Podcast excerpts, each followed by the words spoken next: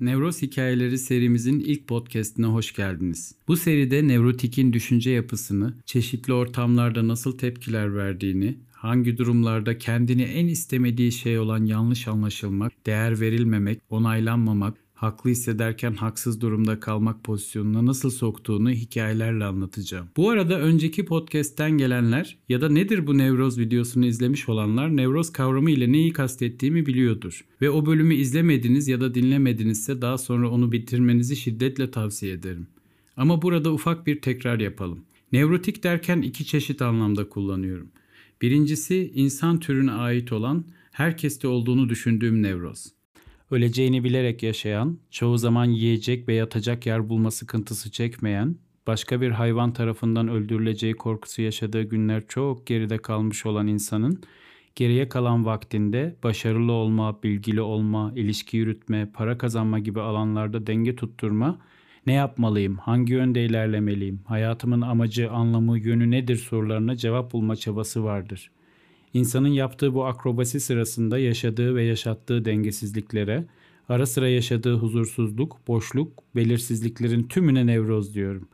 Bu nedenle birazdan ilk örneğini vereceğim nevroz hikayelerinde eğer kendinize benzer bir yön bulursanız benim size bir hastalık tanısı yapıştırmaya çalıştığımı ya da sizin nevroz hastası olduğunuzu iddia ettiğimi düşünmeyin. Bana göre mükemmel insan diye bir şey olamaz Yeterince sağlıklı insan vardır ve yeterince sağlıklı insanların hepsi zaman zaman çatışmalı ya da çözümsüz olan durumlarda. Hatta yaralı bir yerine denk gelmişse çatışması olmayan bir durumda bile bazen saçma şeyler yaparlar. Hepimiz memeli hayvanlarız, hepimiz ara sıra saçmalarız. Daha sağlıklılarımız daha az yaparlar. Yaptıklarında da çıkarılacak dersi alır, düzeltebileceği bir şey varsa düzeltir ve sonra kendilerini şefkatle kabul ederler. Ötekini üzmemek için sıkça beyaz yalanlar söylemek ya da istemediği şeyleri yapmak zorunda kalmazlar. Neyse dağıldık. Nevrotik dediğimde ikinci kastettiğim ise zor bir çocukluk, şanssız olaylar ya da genetik yapısı nedeniyle bu hikayelerde anlatacağım durumları daha çok, daha sık, belli bir düzeyin üstünde yaşayanlar. Yani nevroz pozitif ya da nevroz negatif diye bir durum yok. İnsan olan herkeste bir ya da birkaçını geçmişte ya da şimdi mutlaka yaşamış olduğumuz kendine yetmemenin, bazı sorulara cevap bulamamanın, huzursuz hissetmenin, değersiz hissetmenin, onaylanmamaya kırılma gibi birçok durumun az ya da çok yaşandığı bir nevroz derecesi var. Nevroz kelimesini ikinci anlamıyla ve daha sıkça bu derecenin yüksek olduğu kişiler manasında kullanıyorum. Mesela nevrotik kişi WhatsApp gibi mesajlaşma programlarında teşekkür etmez. Çok çok teşekkür eder.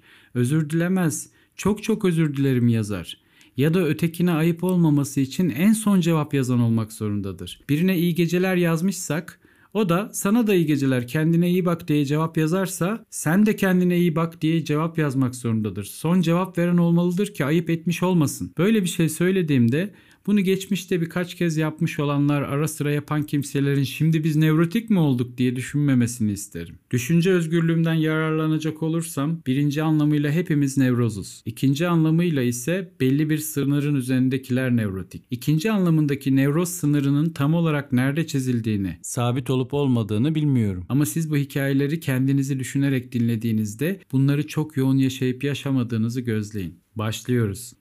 Şimdi lise, üniversite yıllarımdaki halimi hayal ederek anlatıyorum. Ben, Gökhan, bir tane arkadaşımla oturuyorum. Konuşurken sohbetin bir yerinde bana dedi ki Gökhan sen lahmacun sever misin? Arkadaşım derken böyle daha çok dostum, kankam gibi yanında rahat olabildiğim, fermuarım açıksa burnumda sümük varsa rahatça söyleyebileceği, benim de onun karşısında utanmayacağım, yanında konuşurken sözlerimi tartarak söylemek zorunda olmadığım birini hayal edin. Bu sorunun cevabı hemen bir milisaniyede aklımıza gelir ve bazen ucuna eğlenceli bir hikaye eklidir. Oo çok severim bir keresinde ben çocukken bir sünnet düğününde bedava vermişlerdi fındık lahmacunlardan 10 tane yemiştim.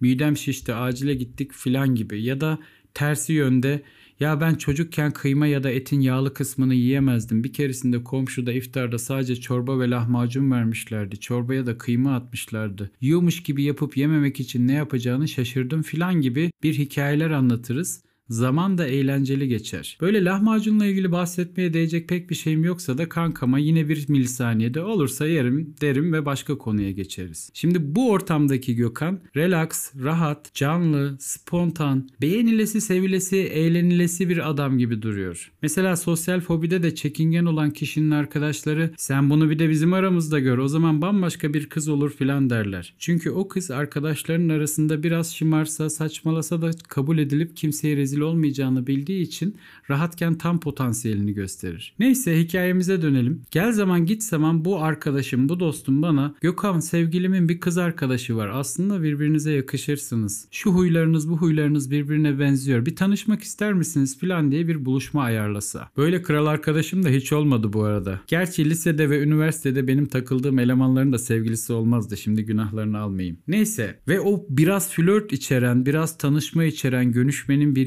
yerinde hele de eğer ben o kıza karşı yüksek bir çekim hissetmişsem, etkilemek istiyorsam, tatlı bir heyecanım varsa ve sohbetin bir yerinde kızdan o beklenen soru gelmişse, Gökhan lahmacun sever misin diye sorarsa bu sefer cevap tam bir milisaniyede gelmez. Beynimin yarısından fazlasını kaplayan ve bilgisayarımın RAM'ini tüketen ikinci bir beyin şimdi ne cevap vermeliyim, ne desem daha iyi olur gibi bir soruyla uğraşmaya başlar. Çünkü benim asıl istediğim Onunla işin güzel gitmesidir. Onu etkilemek onun tarafından arzulanmaktır. O sırada o soruyla ilgili gerçek düşüncem üzerine düşünmem. Normalde rahatken lahmacun dendiğinde beynime hangi çağrışımlar, hangi olaylar geliyorsa onlar gelmez. O yüzden de aceleyle içimden derim ki ya çok severim desem kız da çat diye dese ki ben vejetaryenim o zaman ne yapacağız? Mesela en eski Gökhanlardan, en nevrotik Gökhanlardan bir tanesi böyle bir durumda şey diyebilirdi. Aslında hiç öyle bir hedefi yokken ya aslında ben de bunun hakkında düşünüyordum. Okumak istiyordum bir ara yani. Hani veganlığa bakmak istiyordum. Hayvanlar acı çekiyor vesairesi vesaire. Anlatabiliyor muyum? Bu sırada da o dediklerime biraz inanmaya başlardım. O kızla sevgili olursam da doğalımda öyle olmasam da kendimi onun için o yönde değiştirmeye çalışırdım. Belki hayırlısı da olurdu ama bir türlü yapamıyorsam, bir türlü vejetaryenliğe yaklaşamıyorsam tavuk dönerlerimi kızdan gizli yemeye başlardım. Bu nedenle karşıdakinin bize olan hislerini kötü yönde etkilememek ya da iyi yönde etkilemek için çalışan içimdeki o yeryüzünden de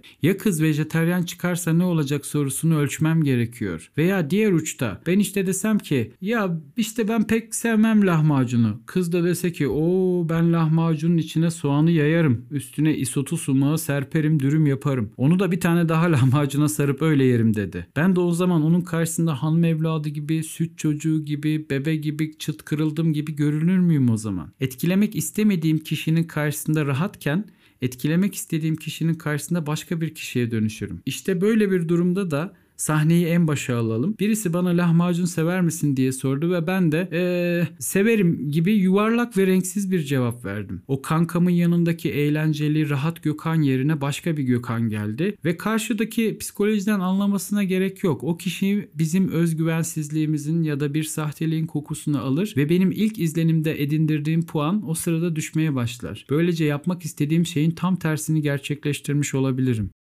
İlk nevroz hikayemiz bitti. Umarım beğenmişsinizdir. Peki Gökhan, Gökhan hocam, Gökhan abi, sevgili Gökhancığım, Gökhan Bey. Bu arada bana nasıl rahat hissediyorsanız öyle hitap edin. Bu bilgi gerçek hayatta ne işimize yarayacak diye soracak olursanız ya da bu hikayeden çıkarılacak ders var mı diye soracak olursanız o yaştaki halime şunları tavsiye ederdim.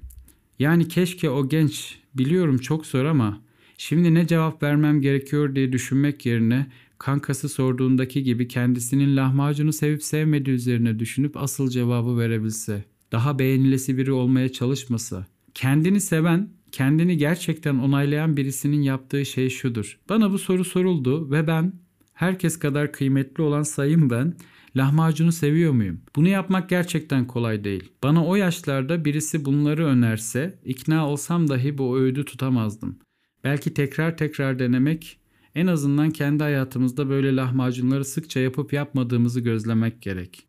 Bir başka önerim de eğer Gökhan lahmacunu seviyorsa seviyorum desin. Kız vejeteryan ise ya zorluğun üstesinden gelmenin bir yolunu bulurlar ve farklılıklara rağmen birbirlerine uyum sağlayan iki esnek insan olduklarını görürler ya da bayağı sorunlara yol açacak bir şey erkenden fark edilir. Gökhan sevmiyorsa ağzıma sürmüyorum desin. Kız Adanalı bir kebap sever çıksa bile. Birincisi belki de korktuğu gibi çıt kırıldım görünmez kız, kızın hoşuna gidebilir. Görülse de hatta hayal edebileceği en kötü senaryo gerçekleşse ne bileyim onun tarafından bir küçümsemeyle dalga geçilmeyle karşılaşsa bile sadece buna bakarak puan kıran ya da dalga geçen karşıdaki kızın tepki stiline dair bir şeyleri öğrenmiş olur. Henüz bağlanıp yatırım yapmamışken daha çok veri sahibi olur. Evet sevgili dostlar, yorumlarınızı, eleştiri ve sorularınızı eksik etmeyin. Bu podcast'ten yararlanacağını düşündüğünüz yakınlarınız varsa görmelerini sağlayın. Aranızda dikkat eksikliği ve dalgınlık nedeniyle normalde bu podcast'i beğeneceği halde unutmuş olanlar varsa da beğenmelerini şimdi hatırlatırım. İnsan ruhu çok karmaşık. Kendimiz için yaşamak, neyi hissettiğimizi, neyi sevip hoşlandığımızı, özellikle de neyi istediğimizi bilmek bile bazen çok zor. Bu podcastler ve hikayeler devam ettikçe insan kişiliği ve değişimin nasıl olabileceği hakkındaki görüşlerimi giderek daha iyi anlatacağımı düşünüyorum. Hepinize sağlıklı ve huzurlu zamanlar dilerim. Sevgiler.